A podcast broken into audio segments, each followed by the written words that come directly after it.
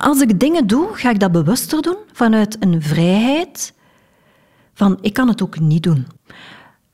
Ik kan ook niet afspreken met die persoon als mij dat nu niet uitkomt, of ik, ik merk dat ik daar een beetje niet radicaal en ook niet op een brute manier, maar dat ik merk, ik maak mijn keuzes anders.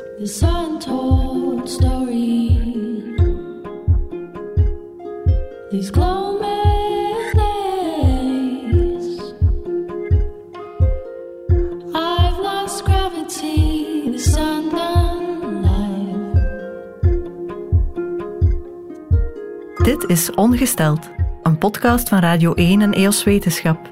Ik ben Liesbeth Gijssel en al 30 jaar bloed ik elke maand, zwijgend.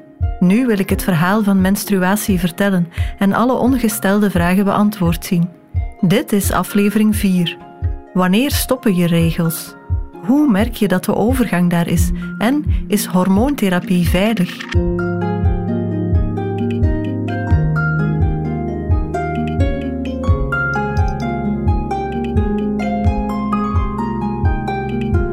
Ben 43.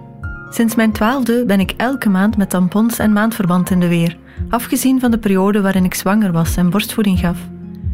Maar er komt een moment dat dat niet meer hoeft. Dat is nog lang, dacht ik altijd, en veel wist ik niet van die overgang en menopauze. Ja, dat vrouwen vapeurs krijgen, maar verder? En toen begon ik aan deze podcast. De laatste menstruatie hebben de meeste vrouwen rond hun vijftigste. Maar daar gaat een jarenlange periode van overgang aan vooraf. Veel veertigers zijn er niet echt mee bezig. Of ze willen er niet over praten, dat kan ook. Annemie wou dat wel. Zij is 51 en haar laatste menstruatie ligt intussen enkele jaren achter haar. Goedemorgen. Maar is het goed op tijd? Ja, sorry, ik ben een beetje te vroeg. Ik hoop dat, het oké is. Ja, geen probleem. Ik was nog een beetje dingen aan het lezen. Annemie had in het begin geen flauw idee wat haar overkwam. Ik denk dat ik 44 was ongeveer. En mijn menstruatie was minder regelmatig. En ik weet dat ik toen even het gedacht had van oei, ik ga toch niet zwanger zijn. En dat ik toen een eh, predictor gekocht heb en dat ik heel opgelucht was van oef, nee, het is dat niet. In die periode dat mijn maand stonden, of dat je dan hè, in de overgang bent, zogezegd, um, merkte ik dat ik ook wel uh, andere symptomen begon te krijgen. Als ik bijvoorbeeld naar de yoga ging, begon ik ineens bij eenvoudige oefeningen, uh, bijvoorbeeld, dat ik ineens echt zo'n een zweetaanval kreeg. En het gekke is dat je dan ook nog niet, en ja, ik althans niet, direct de link legt naar van, oh ja, tuurlijk, dat is de overgang. Eerder zoiets van, wat is dat? Oh, kan ik het niet meer of zo? Pas na een tijdje durf je toe te geven, waarschijnlijk van, ja, het zal dan toch de overgang zijn. Je zegt uh, toegeven. Waarom, is dat iets dat je moet toegeven of waarom wou je dat ontkennen? Ja, het is een fase dat je afsluit. Ik had twee gezonde zonen en er was absoluut geen wens naar nog een nummer drie of zo. Toch even het besef van, oké, dus dat gaat nu niet meer gebeuren. En ik denk dat dat ook te maken heeft, en dat is ook denk ik waarom dat veel mensen het lastig hebben met de midlife enzovoort. Je komt dichter bij het einde van je leven dat je beseft van ik word effectief wel ouder. Een zweetaanval, opvlieger of vapeur is het bekendste symptoom van de overgang. De periode waarin de menstruatie begint te sputteren en je hormonen een spelletje met je lijken te spelen. Totdat je in de menopauze bent, de menstruatie helemaal wegblijft en je geen hormonen meer aanmaakt. Zo'n opvlieger ontstaat doordat het temperatuurcentrum in de hersenen ontregeld geraakt. Je hebt opvliegers die je voelt aankomen dat je huid begint zachtjes te kriebelen, dat je voelt dat je gaat beginnen blozen en transpireren. Je weet min of meer van dat het aan het beginnen is, maar het is voor de rest zo'n beetje afwachten. En je weet het gaat overgaan, maar je kan zo niet zeggen van wanneer het gaat overgaan. En dan heb je het soort van opvliegers die ik ook had, als ik ineens in een stresssituatie kwam. En dan is dat zoveel heftiger. Dat is echt van op de seconde bijna dat alles samenkomt. Uw hart begint sneller te slaan. Je wordt rood, je begint echt te zweten in oksels, in, in, op je voorhoofd, je neus. Je pakt een, een tissu en je legt dat op je hoofd zo om, om dat zweet weg te deppen en dat is instant nat. Heel heftig, heel storend, heel...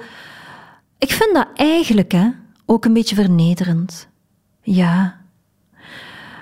Je staat daar of je zit daar, het overkomt u en het enige wat je kan doen is dat uitzweten. Ook Michelle Obama kan erover meepraten. I remember having one on Marine One. I'm dressed. I need to get out, walk into an event, and literally, it was like somebody put a furnace in my core and turned it on high. And then everything started melting. And I thought, well, this is crazy. I can't, I can't, I can't do this. Wearing a suit, any person who's going through menopause, who's going to work every day in a suit, you can be drenched in sweat. Yes. Down to your core in the middle of a freezing cold office and have to shower and change clothes and fix your hair all over again. Half of us are going through this. Right. But we're living like it's not happening. Als een oven in je lichaam die plotseling op de heetste stand staat. En dat terwijl je in het middelpunt van de belangstelling staat. Geen wonder dat Michelle Obama er gek van werd van die opvliegers. 80% van de vrouwen heeft zulke zweetaanvallen als ze in de overgang komen. Maar je ziet daar eigenlijk weinig van in de maatschappij. Ik zag nog nooit een collega zitten wapperen in een vergadering. Ik zag nog nooit een gast in een talkshow in zweet uitbarsten. Laat staan er iets over zeggen. Ik herinner me alleen mijn moeder, die geregeld wel eens recht sprong om alle deuren open te zetten en door de gang te gaan lopen. Annemie had nog wel wat andere klachten ook. Dat komt vooral door de stress op het werk, dacht ze. Ze zat er in een lastige situatie die maar niet opgelost geraakte. De zweetaanvallen gingen gepaard met hartkloppingen en ze had het ook lastig om haar emoties onder controle te houden.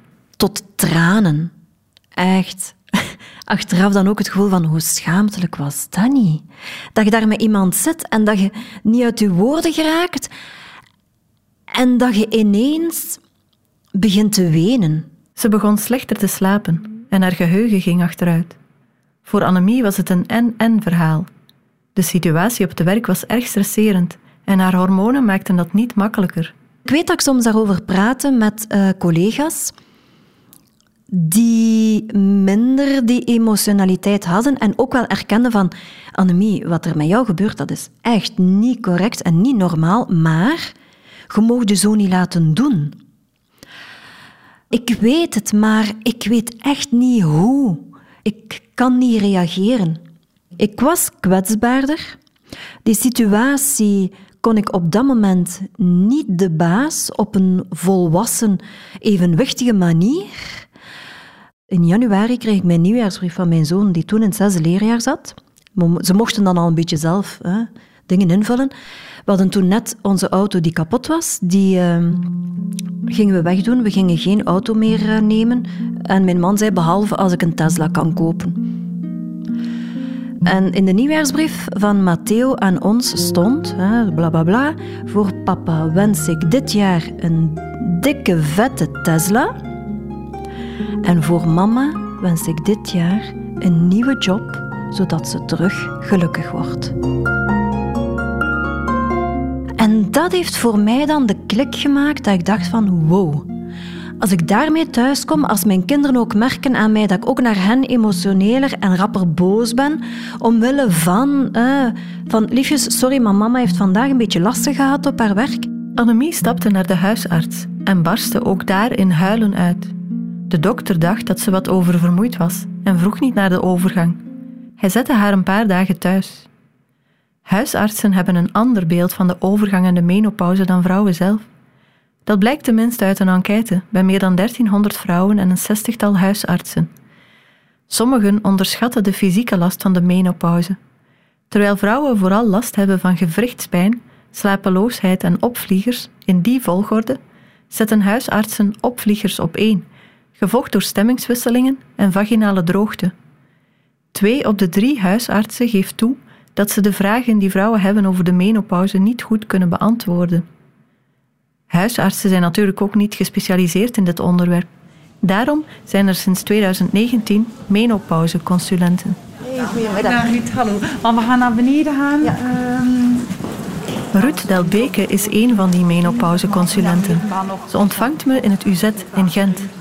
Meestal is er weinig tijd tijdens een consultatie bij een arts. Uh, op een kwartier heb je niet alles uitgelegd hoe dat, uh, hoe dat een vrouw zich voelt, uh, wat ze ondervinden, wat dat hun wensen zijn. En bij de gynaecoloog gaat de aandacht vooral uit naar zwangere vrouwen. Oudere vrouwen zijn een vergeten groep, vindt Ruud. Als ze hun klachten op tafel leggen, worden die soms weggewuifd. Die bemerking heb ik ook al veel gekregen van vrouwen. Ik heb het aangekaart bij de huisarts, maar uh, ja, dat is een levensfase, daar moet je door. Um, dat is inderdaad ook zo. Maar tussen er gewoon afdoen als een fediver, vrouwen kunnen er recht mee aan de slag gaan. En als je hen uitlegt hoe dat een lichaam werkt, uh, wat ze zelf kunnen doen, of dat veel dingen ook normaal zijn dat ze ervaren, um, dan, dan heeft dat een houvast. Het is ook geen kwestie van even volhouden. Sommige klachten, zoals opvliegers en stemmingswisselingen, gaan inderdaad over zodra je echt in de menopauze bent en je dus al even niet meer menstrueert. Maar de overgang die daaraan vooraf gaat, kan 5 tot 12 jaar duren. Andere symptomen blijven bestaan. De stofwisseling verandert, waardoor de kilo's gemakkelijker blijven plakken en verhuizen van je billen naar je buik. Je huid wordt dunner en je risico op osteoporose en hart- en vaatziekten stijgt. Annemie vond uiteindelijk een oplossing in ander werk, yoga, meditatie en meer bewegen. Ik ben iemand die over het algemeen de situatie graag onder controle heeft. Door dan die uh, meditatie te doen, dat heeft mij wel geholpen om niet zozeer die controle uh, terug te pakken, maar eerder uh, die emotionele pieken te nivelleren. Beetje meer gebalanceerd in harmonie te geraken. Dat heeft mij terug wat rust gegeven. Dat heeft mij ook een soort van handvat gegeven. Als ik wist van, ik ga een meeting hebben, dat gaat niet makkelijk zijn. Ik doe een wandeling, daarna 20 minuten mediteren en ik voelde effectief dat effect. Het is iets wat Ruud ook aanraadt aan vrouwen. Leren controle te krijgen over je lichaam, leren ontspannen, leren tot rust komen kan zo, zo belangrijk zijn. Ruud vertelt me dat veel vrouwen te veel stress hebben, zeker in die levensfase. En als daar nog eens de symptomen van de overgang bij komen, dan kan dat net de druppel zijn. Meestal is het ook een fase waarbij dat hun eigen ouders meer hulp nodig hebben. Ook de eigen kinderen zijn meestal nog niet het huis uit. En ze zitten daar een stukje in gesandwiched. Typisch is ook het niet meer kunnen multitasken. En daar hebben veel vrouwen het heel moeilijk mee. Hm, het is typisch aan vrouwen dat we van alles kunnen combineren voor eenzelf, voor een werk, voor de partner, voor de kinderen. Maar in één keer valt dat weg. Uh, met als gevolg, ze zijn bezig met verschillende dingen, maar ze hebben het gevoel dat ze heel veel vergeten. En dan voelen ze ook een eigen lichaam. Die, veranderde, die verandering in hormonen, die al een rollercoaster aan emoties geeft. En dat maakt het allemaal wel moeilijk om alles gecombineerd te krijgen. Er zijn veel vrouwen die ook het gevoel hebben dat ze een burn-out hebben. En het is niet altijd makkelijk om te zien van, uh, komt het nu door een burn-out, komt het nu door de menopauze? Vaak is het een stukje een combinatie van, van beide. En ook het gedrag van vrouwen verandert in de overgang. Plots besef je wat voor absurde dingen je soms doet voor anderen. De Amerikaanse comedian Sandra Tsing Loh verwoordt het zo. In her late 40s, there mom's Jan's cutting up little sandwiches. And as if in a dream, the woman noticed herself cutting up little sandwiches for all these able bodied people.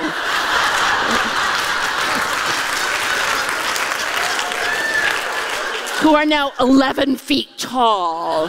And she asked herself, why am I cutting up these effing little sandwiches? You know? You should cut your own effing sandwiches. And she starts hurling the sandwiches, you know.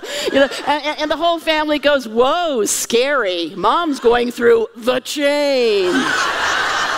Ja, waarom zou je eigenlijk nog boterhammen smeren voor je kinderen, als die dat al helemaal zelf kunnen? Mijn kinderen maken al een tijd hun eigen broodjes klaar. Maar ik ruim wel nog heel regelmatig de rondslingerende rommel van mijn huisgenoten op. Zal ik die rommel over een aantal jaar gewoon kunnen laten liggen? In de overgang en de menopauze laten vrouwen de zorgfiguur in zichzelf wat meer los. Ook dat heeft met hormonen te maken, zegt Ruud. En het is trouwens geen slechte evolutie, vindt ze. Uh, dat ze zoiets hebben van, ik ben anders altijd lief en ik ben altijd zorgzaam. En, en nu van minste kan ik zo kwaad worden of, of ik kan het allemaal niet meer verdragen, ik wil het niet meer horen soms ook minder empathisch vermogen. Mensen komen met een verhaal en dan zei ik ja, je m'en fous, eigenlijk kan het mij geen reet schelen. Uh, die vrouwen hebben vaak het gevoel van, ik spoor niet meer. Uh, ik, mijn man zegt van, wat is dat met jou? Uh, ja, word ik nu abnormaal? Word ik zot? Nee. Dat heeft allemaal te maken met die hormonale veranderingen. Oestrogeen is een zorghormoon een keer dat dat wel wegvalt, heb je dat idee dat je egoïstischer wordt. En dat is ook zo. En dat mag ook. Noem het een soort tweede puberteit, die overgang. Met een lichaam dat voortdurend verandert en hormonen die je op een emotionele achtbaan droppen. En het is, net als in de puberteit, een moment om na te denken over wie je bent en wat je wilt, zegt Ruud. Wat zit er allemaal in mijn rugzak? Dus die periode van reflectie is een beetje van wie ben ik, wat doe ik en wat, wat komt er daar nog allemaal bij die mij enorm uitput? Ook het werk, mijn job, mijn jobinhoud, is dan nog iets wat, wat, mij, helemaal ligt? Of wil ik toch nog doorgroeien in dit of dat? Wil ik gaan bijstuderen? Wil ik iets creatiefs uh, doen? Uh, menopauze is echt wel leren zorg dragen voor jezelf. Je hebt al heel veel gegeven in je leven, maar nu is het eventjes aan jou terug. Leren zorg dragen voor jezelf en jezelf centraal zetten. Dat is iets wat Annemie heeft leren toepassen, vooral sinds haar 50ste verjaardag. Voor mij was dat wel een symbolisch belangrijke datum. Mijn mama is nooit 51 geworden. Zij is gestorven op haar 50. Iets in mij zei van, vanaf nu zijn we eigenlijk in extra time. Als ik dingen doe, ga ik dat bewuster doen, vanuit een vrijheid van ik kan het ook niet doen ik kan ook niet afspreken met die persoon. Als mij dat nu niet uitkomt, of ik, ik merk dat ik daar een beetje niet radicaal en ook niet op een brute manier, maar dat ik merk, ik maak mijn keuzes anders. Annemie heeft een nieuw evenwicht gevonden. Maar soms tuimelen vrouwen rond de leeftijd van hun menopauze in een heel diep dal, waar ze niet meer zelf uitgeraken. Zoals Leen, een vriendin die twee jaar geleden een zware depressie kreeg en bij momenten aan zelfmoord dacht. Ik ben meer dan een jaar echt bang geweest, zo niet van niet buiten komen en zo, maar van er is hier geen uitweg, uh, dat gaat nooit meer oplossen, ik ga alles kwijtgeraken. Ik heb heel lang het gevoel gehad van alles glipt hier door mijn vingers en alles is weg. Um, en dan ook zo de, de minste dingen die gebeurden waren allemaal olifanten en, en was allemaal veel te groot en veel te veel. In dezelfde periode kreeg ze ook last van opvliegers. En het een leek wat samen te hangen met het ander. Wat ik vooral vervelend vond, is dat dat een periode was dat je zo ja, drie op een uur kunt hebben of, of, of tien op een dag. In de winkel, uh, op de bus, op uw fiets. Uh, ja, overal eigenlijk. Bij vrienden op bezoek. En ik had daar s'nachts ook heel veel last van. Ik kon zo sommige nachten drie, vier keer kletsnat wakker worden. En ik werd daar ook heel angstig van wakker. Zo wat paniekerig. Gaan lopen van iets waar je niet van kunt gaan lopen. Zo dat gevoel als je s'nachts wakker wordt. Ja, eng. Heel eng, heel angstig. Um, het is bij mij ook redelijk veel samengevallen. Maar dat is een beetje achteraf ook bekijken met de periode dat ik echt gecrashed ben. Na veel therapie en zo heb ik eigenlijk nooit gevonden van wat was nu echt uit de oorzaak van dat crashen. Er was niet extra druk op het werk of er was niet extra druk in een relatie of thuis of zo. Um, dus voor mij hangt dat wel wat samen, ja. Leen had wel al eens een burn-out gehad en dat maakt haar kwetsbaarder om opnieuw mentale problemen te krijgen. Dat die dan net in die periode van de overgang de kop opsteken, komt wel vaker voor. Dat vertelt Herman de Pieper mij. Hij is gynaecoloog aan het UZ Gent en onderzoekt de menopauze en hormoontherapie. Als we kijken naar vrouwen die uh, voor, na de bevalling uh, moeilijke momenten hebben gehad en daardoor tijdelijke psychische begeleiding hebben nodig genomen, als ze bij stress bijvoorbeeld dat ook een keer gehad hebben, wel, die vrouw zal weer die hormoonvervallen ervaren als een extra stress voor dat brein. Er zijn daar heel veel herschikkingen die gebeuren. Dus het is zeker niet abnormaal dat als zij dat al een keer gehad heeft, dat ze een risicomoment heeft rond het moment van de overgang of in de menopauze. Leen ging in behandeling bij een psychiater en kreeg antidepressiva. Ze zei dat ze overgangsklachten had, maar daar werd niets mee gedaan, zegt ze. Ik heb uh, in de loop van deze twee jaar een aantal psychiaters gezien en ik heb dat een paar keer ook op tafel gelegd en daar is nooit op ingegaan. Dat ik zei van, kan er een link zijn? Moet dat niet extra nagekeken worden? Is dat niet iets dat ook moet bekeken, ondersteund worden? En daar, uh, daar heeft eigenlijk nooit iemand op gereageerd. Dus die opvliegers en zo, dat werd gewoon weggewuifd dan? Van, we kunnen daar niets aan doen? Nee, daar is eigenlijk heel weinig op ingegaan. Ja, heb ik daar eigenlijk lange tijd dan, dan maar geparkeerd. Je denkt dan ook, dat hoort er dan wat bij. Ook de huisarts zocht niet mee naar een oplossing, terwijl overgangsklachten een depressie wel degelijk kunnen versterken. Je krijgt hartkloppingen, wordt angstiger, twijfelt aan jezelf, je slaapt slecht. Dat vreet. Leen zocht en vond op eigen houtje iemand die haar verder hielp. Een gynaecoloog gespecialiseerd in menopauzeklachten. Ik vertelde mijn verhaal vooral over dat fysieke, van die opvliegers en dat s'nachts en, en niet meer ongesteld zijn. En uh, die die las zo precies een lijstje voor en die noemde inderdaad op bang zijn, uh, depressieve gevoelens, niet vooruit kunnen, moe zijn.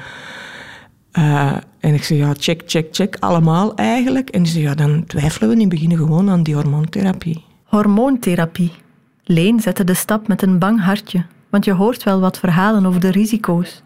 Die alarmberichten zijn er vooral gekomen na een Amerikaanse studie 20 jaar geleden. Results from one arm of the large randomized trial showed that taking the combination of estrogen and progestin increased several risks including stroke, cancer and total cardiovascular disease. Het ging om de Women's Health Initiative, een groot onderzoek naar hormoonsubstitutietherapie tijdens de menopauze.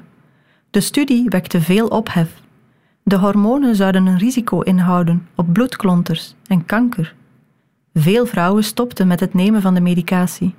Artsen stopten met hormonen voor te schrijven.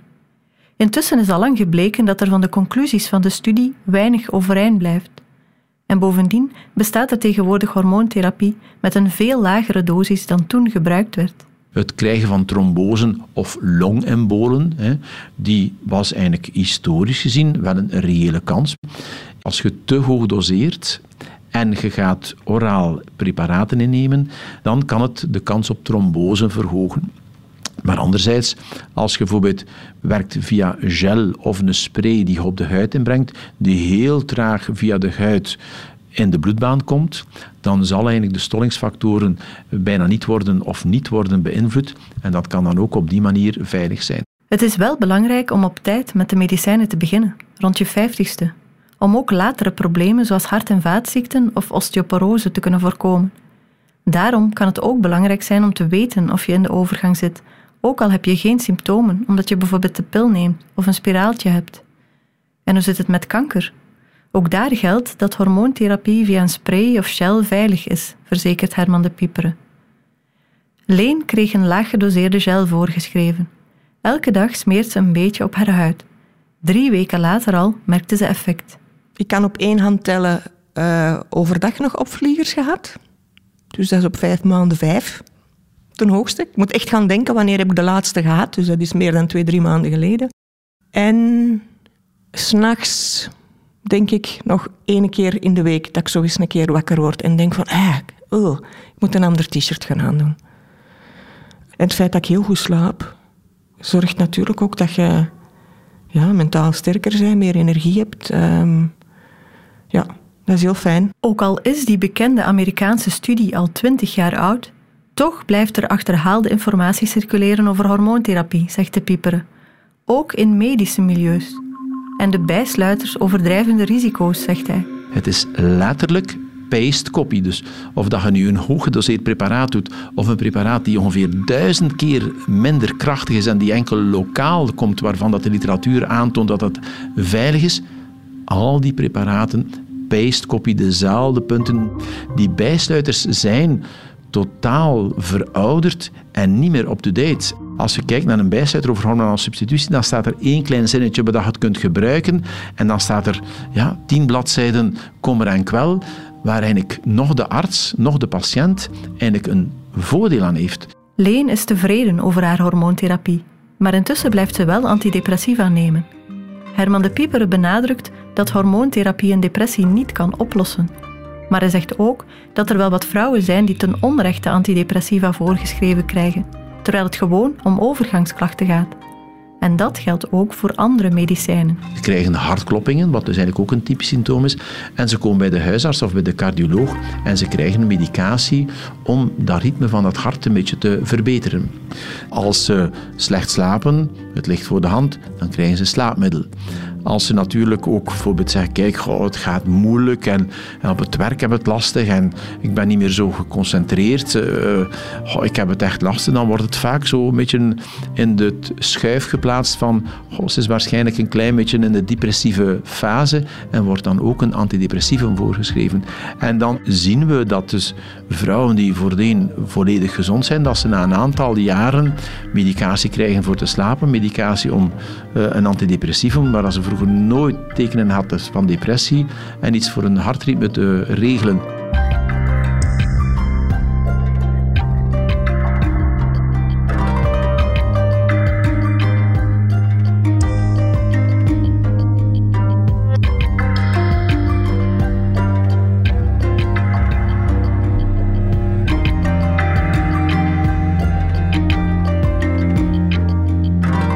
Hormoontherapie helpt niet alleen tegen opvliegers.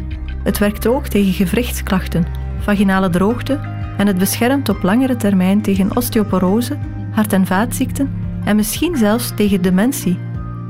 Die vaginale droogte, daar had Leen ook last van. Je wordt niet spontaan vochtig. Of veel minder, of ja, dat, en dat, dat, geeft een heel ander gevoel. Dat geeft een heel ander gevoel. Dan, dan, dan is dat gewoon niet lekker en dan is dat allemaal wat, wat wringen en, en dat, is, dat is gewoon niet fijn. Dus ik denk dat alle vijftigers weten, hè, glijmiddelen en zo, ja, dat is allemaal goed en dat werkt en dat is plezant.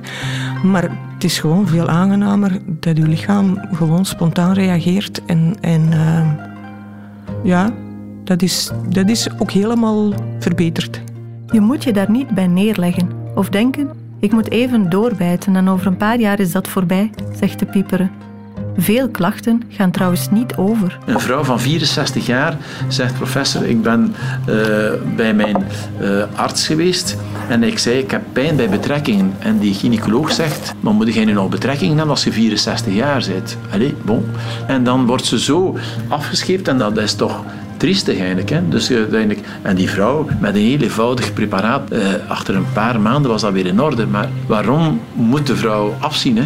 Ja, omdat de natuur dat zo heeft voorzien. Nee, hè? dat eenvoudig is, de natuur heeft dat zo niet voorzien. De natuur heeft niet voorzien. Hè? Inderdaad, de natuur heeft niet voorzien dat vrouwen in de menopauze zouden komen.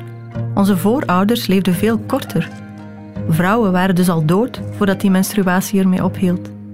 Klinkt logisch, maar eigenlijk is het dat toch niet helemaal. Vroeger zegde men ja, dat is nu eenmaal een, een ziekte. Dat is een toeval, hè, om, om, omdat mensen nu wel langer mochten leven, maar hun eicellen zijn op. Ja, die eicellen zijn op, maar de evolutie had er perfect voor kunnen zorgen dat dat verder gezet wordt, zoals bij chimpansees. Dit is Mark Nelissen. Hij is evolutiebioloog en verbonden aan de Universiteit Antwerpen. En inderdaad, 200 jaar geleden werd de menopauze gezien als een ziekte het doet me denken aan de geschiedenis van het denken over menstruatie, die ik in aflevering 1 uitzocht. In dezelfde periode werd de menstruatie aangegrepen als een fenomeen om vrouwen als het zwakke geslacht voor te stellen. Menopauze als een ziekte, of simpelweg als het gevolg dat we te lang leven. Niet volgens de evolutieleer, Oudere vrouwen zijn evolutionair gezien nuttiger als ze iets anders gaan doen dan kinderen baren. De evolutie heeft gezegd, we gaan dat niet doen.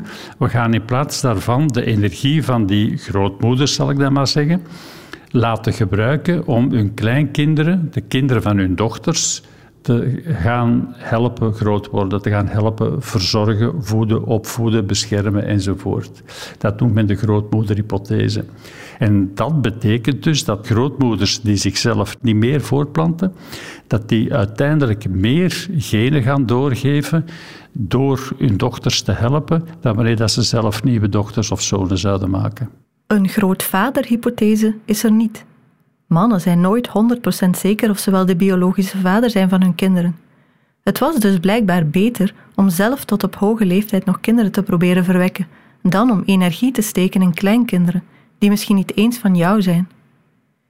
Bij de meeste diersoorten blijven de vrouwtjes wel hun hele leven vruchtbaar. Eigenlijk vinden we alleen maar een menopauze bij enkele walvisachtigen, de orka's en de grienden. Het zijn vooral de orka's die bestudeerd zijn. En daarbij zien we dat de wijfjes vanaf een bepaalde leeftijd um, ook stoppen met zelf kinderen te krijgen, maar dat zij de groep gaan leiden. Een beetje zoals dat bij de mens gebeurt. Ze gaan um, de kennis die ze hebben en de vaardigheden die ze hebben overdragen aan de jongeren. En ze gaan ze vooral helpen bij het leiden naar plaatsen waar er veel vis aanwezig is.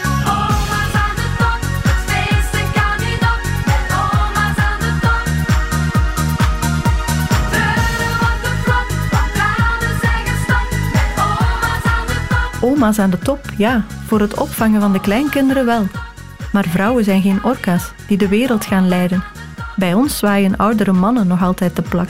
Ja, dat is omdat wij een primatensoort zijn waarbij dat de mannen in de groep blijven. Bij elke soort zijn plaatsen waar dat de mannen de groep verlaten. Er zijn plaatsen waarbij dat de vrouwen de groep verlaat om inteel te voorkomen. En in ons verleden is het zo dat de uh, veel meer vrouwen de groep verlieten en dat de mannen dus ja, automatisch de dominante plaats hadden in de groep. Zo gaat bij mensen veel wijsheid verloren. De wijze oude vrouw. Het is een concept dat Ruth Beke ook graag benadrukt. Toch willen veel vrouwen het niet geweten hebben dat die menopauze eraan komt. Ikzelf ook niet trouwens. Die maandstonden zijn niet echt gezellig, maar in die overgang heb ik al helemaal geen zin. Annemie merkt hetzelfde op bij vriendinnen en kennissen. Ik merk wel dat als het er even over gaat, of als ze er een vraag over stellen, dat het vaak met een blik van afgrijzen is. Zo van, oh my god, wat staat mij te wachten?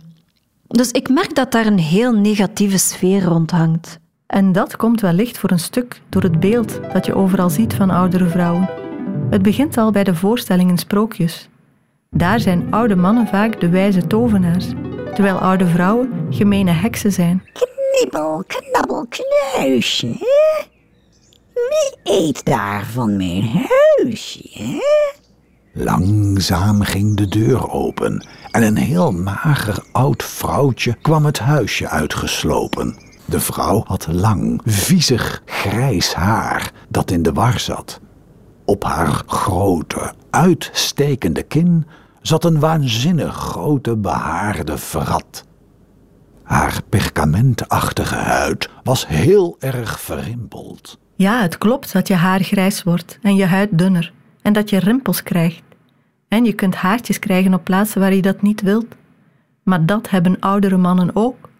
Annemie mist een positief beeld van oudere vrouwen, bijvoorbeeld op televisie. Ik denk dat je meer mannen hebt uh, van die leeftijd die gewoon hun gangetje blijven gaan.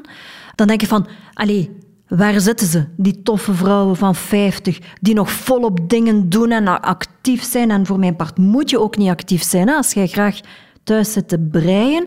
Maar ik vind dat het ontbreekt aan een positief beeld in de media van vrouwen van 50 plus. Annemie heeft gelijk, vindt Mark Nelissen. In onze samenleving worden vrouwen vaak een beetje scheef bekeken.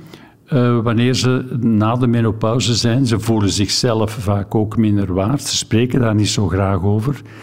en dat komt juist omdat men in onze samenleving de nadruk ligt op de jeugd. En dat wordt in feite onbewust gestuurd door mannen die nog altijd, ook al willen ze dat niet weten, gestuurd worden door het zoeken naar jonge vrouwen.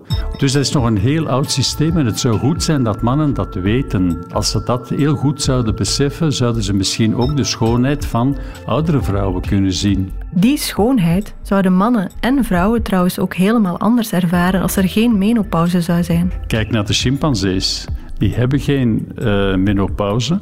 De mannetjes moeten daar geen jonge wijfjes hebben. Die hebben geen ervaring. Zij gaan oudere vrouwen kiezen. Vrouwen met rotte tanden en uitvallend haar. Die bij ons niet bepaald in de Playboy zouden komen, maar bij hen wel moesten ze erin drukken.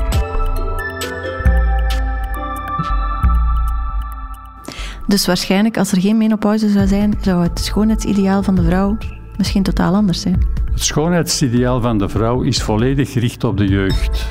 Omdat um, jeugd gelijk is aan grotere afstand tot de menopauze. Dus meer kans om zich voor te planten.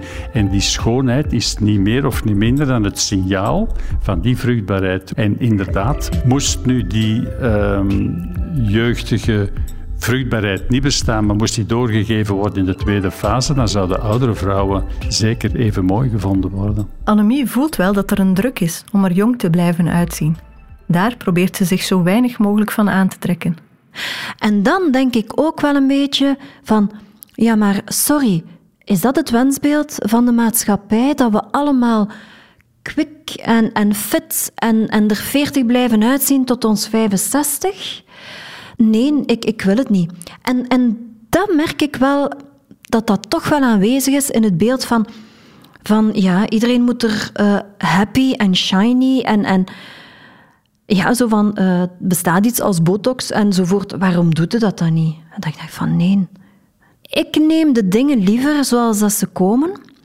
En ook een beetje van, ja, het is niet omdat je in je uh, menopauze bent, dat je je als vrouw niet meer mooi en aantrekkelijk kunt voelen en dat je seksualiteit vooral je volledig weg is. Voor Annemie was de overgang een periode van reflectie, van op zoek gaan naar waarom ze zich zo slecht voelde, van nadenken wat belangrijk was voor haar. Geen snelle oplossingen die van buitenaf komen, maar de oplossing bij zichzelf zoeken. En die snelle oplossingen, daar wordt volgens haar in de reclame te veel op gefocust. Ik lach, ik nies, ik verlies urine, Overkomt u het ook? OS Discreet is ultradun en super absorberend. Ik draag er op dit moment één. Maar niemand eet ze. Tena Silhouette. Het eerste zwarte ondergoed met de bescherming van Tena. Urineverlies? Probeer Always Discreet. En wiebel, giegel, til, draai, beweeg, dans, spring, stoot. Hou je vooral niet in. Urineverlies? Nou en? Annemie ergerde zich blauw aan. Alle respect als je daar heel veel last van hebt, maar voor die vrouwenpampers. En dan zo doen alsof van, kijk, ik hoe sexy, met bloemetjes op. En dan denk je van, wilde nu een keer stoppen met dat betuttelend gedoe en zo. Ja, ik denk dat eerder dat is zo het, draag zo'n pamper. Terwijl dat je ook zou kunnen denken van, Doe de juiste bekkenbodemspieren oefeningen. Wees er jezelf van bewust. Het hoeft niet zo te zijn. Hè. Je kunt ook aan jezelf uh, werken en er een oplossing voor proberen te vinden. Ruud Delbeke is het daar roerend mee eens. Als er één reclame is waarvan dat mijn haar recht komt, dan is van de Tena Lady. Uh, ik word echt onwel bij die advertenties. Uh, ik heb zoiets van, oh nee, dat, dat is echt een brug te vaart. Nee, we kunnen dat zeker aanpakken. De, er is hulp mogelijk, uh, zonder dat we met inlegkruisjes en van alles moeten. Bekkenbodemspieroefeningen kunnen inderdaad helpen. En ook lokale hormoontherapie kan soelaas brengen. Inlegkruisjes vanaf een bepaalde leeftijd standaard op het boodschappenlijstje zetten, dat hoeft gelukkig dus niet. En ook voor de meeste andere overgangs- en menopauzeklachten bestaan dus wel oplossingen. Oplossingen die je zelf in de hand hebt, zoals bewegen, niet roken, gezond eten en ontspanning. Als dat niet helpt, kun je laten nagaan of je misschien nood hebt aan extra vitamines of aan hormoontherapie. Die menopauze heeft natuurlijk ook één groot voordeel. Je wordt niet meer ongesteld en je hoeft niet meer bang te zijn dat je ongewenst zwanger wordt. In zekere zin ben je bevrijd van je evolutionaire opdracht. En dat is een feestje waard, vindt Mark Nelissen. Vaak gaat men jonge meisjes in de menarche feliciteren. Men zegt, u hebt uw eerste menstruatie gehad, proficiat. Nu ben je een vrouw, feestje soms. Men zou dat even goed kunnen doen bij een vrouw die in de menopauze komt. Dan zou men kunnen zeggen, in plaats van een seksvoorwerp, ben je nu een intelligent wezen die voor de samenleving gaat zorgen. Toch een beetje vreemd. Alsof je niet sexy en intelligent tegelijk kunt zijn. In elk geval, Annemie heeft haar overgang naar oudere wijze vrouw intussen omarmd. Ze ziet de menopauze zelfs als een bevrijding. Ik dacht van ja, je moet dat toch wel. Hè? Zo is de maatschappij toch. Um, mannen als jagers en vrouwen uh, die vruchtbaarheid moeten uitstralen. Je bent je daar wel van bewust van dat je iets, een bepaalde seksualiteit uitstraalt. En ik weet dat ik ineens besefte, zo van oei, nu kan ik geen kinderen meer krijgen, dat dat ineens ook wel aanvoelde als een, een bevrijding van, oh, Maar ik hoef het nu ook niet meer uit te stralen. Ik vind uiteindelijk dat de menopauze, en dat wordt waarschijnlijk te weinig belicht, vind ik persoonlijk, dat dat een vorm van bevrijding is.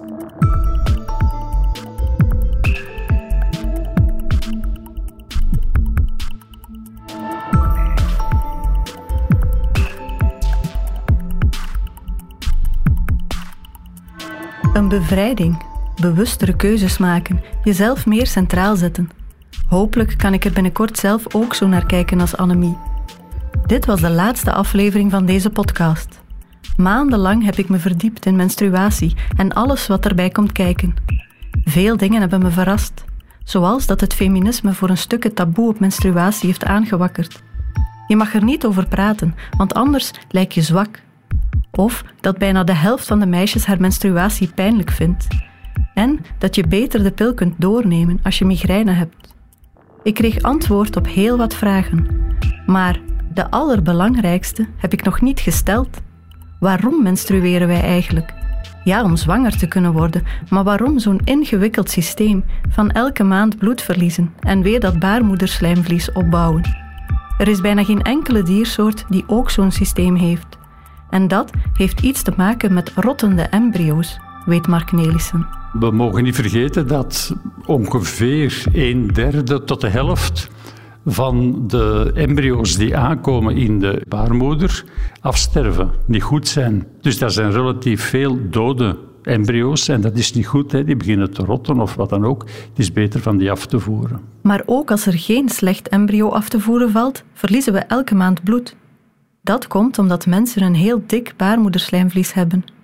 Bij de meeste zoogdieren is dat veel dunner, waardoor zij niet menstrueren, maar het bloed in hun lichaam opnemen. Dat dikke baarmoederslijmvlies herkent of een embryo levensvatbaar is of niet, en het zorgt ervoor dat embryo's niet in de baarmoederwand gaan ingroeien. Het blijft me verwonderen dat een systeem waarbij je elke maand bloed en dus energie verliest, het beste bleek in de loop van onze evolutie. Maar eigenlijk is ook daar een logisch antwoord op. Nu menstrueert een vrouw ongeveer 450 keer in haar leven, ongeveer. Men schat dat dat vroeger maar 50 keer was, maar bij onze verre voorouders was dat misschien nog veel minder. Dus menstruatie was in zekere zin eigenlijk een uitzondering. Dus ik vermoed dat, er, uh, dat de, meeste vrouwen meestal zwanger waren. Dat duurt negen maanden. Maar dan nog eens een keer twee tot drie jaar zogen. Ze moesten de baby zogen. Ondertussen hebben ze ook geen menstruatie. En dan is de kans groot dat onmiddellijk daarna er al een volgende zwangerschap kwam. Dus waarschijnlijk is dat eerder een uitzonderlijk gegeven geweest.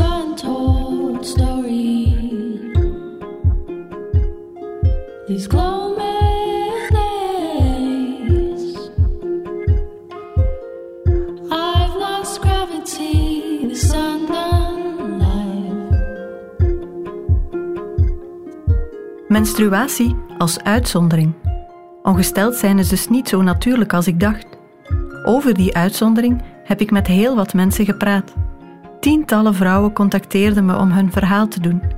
Het is duidelijk dat veel vrouwen meer openheid willen over dit thema en dat er veel vragen zijn. En die vragen hebben mannen trouwens ook.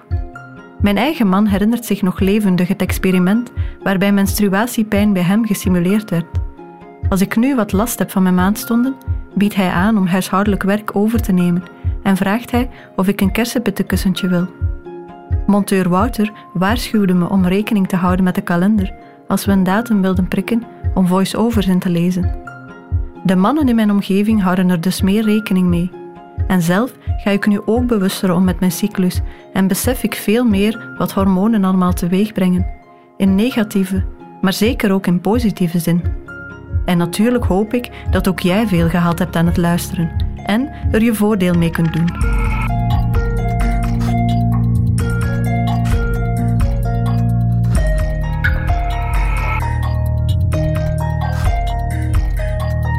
Dit was Ongesteld, een podcast van Radio 1 en EOS Wetenschap. Met mezelf, Lisbeth Gijssel.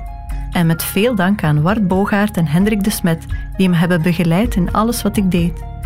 De muziek komt van Ansatz der Machine. Wouter Schudding deed de montage. Het artwork is van Anne Manteleers. Heel veel dank ook aan alle vrouwen die hun verhaal met mij wilden delen. Heb je veel gehad aan deze podcast? Deel hem dan of schrijf een review, dan kunnen anderen hem sneller terugvinden. Wil je nog meer weten? Kijk dan op de website www.eoswetenschap.eu ongesteld. En ga zeker ook eens kijken in de app van Radio 1. Daar vind je nog meer boeiende podcasts.